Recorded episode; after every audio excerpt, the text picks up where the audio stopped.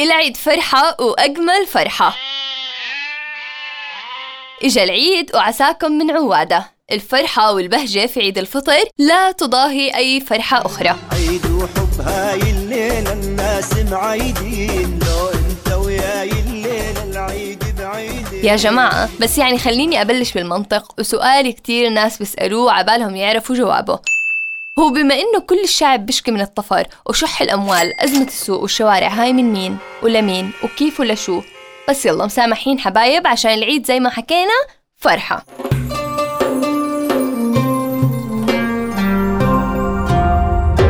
رؤيا بودكاست.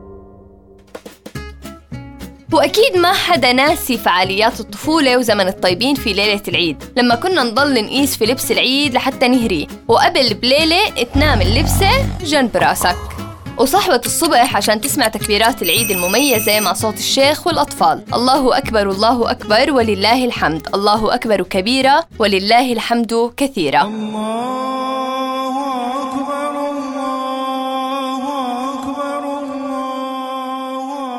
هاي الأصوات المميزة هي علامة على بدء أول أيام العيد. بعدين بيروح كل حدا على بيته وبتبلش ريحة الشامبو تنتشر في كل أرجاء الحارة. وعشان هيك انضرب مثال حمامك من العيد للعيد. أما عن الفعالية المهمة والأهم فرود الخرز.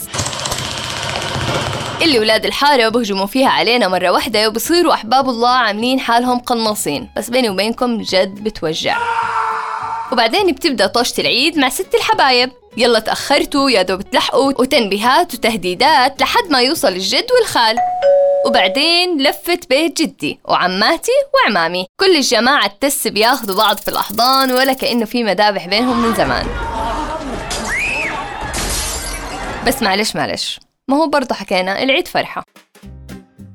وأهم إشي العيديات. كل واحد يا جماعة يدير باله على عيديته ولا تأمل لست الحبايب وتحوشهم معها. ولا تضحك على جدك وجدتك وتوقف على الطابور مرتين عشان تتعيد مرتين. كن أذكى وأضحك على أخوك الصغير خد عيديته. وأكيد يا عزيزي المستمع رح نشتاق للمة رمضان والسمبوسة والقطايف وجماعتنا كلها اللي ما بتشوفهم غير في رمضان وذكرناهم في حلقة سابقة كمان. سمبوسة رمضان قدمنا لكم إياه بفرحة وبهجة. بتشبه الشهر المبارك تماما. كتبت الحلقات بكل حب وتعلمت وعرفت معلومات جديدة زي ما عرفتكم. والأهم إني بكل حلقة بسجلها بحس كأني بحكي معكم يا أعزائي المستمعين. أنا ونور وسامي كمان.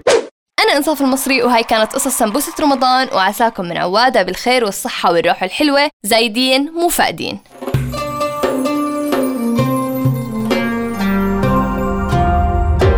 رؤيا بودكاست.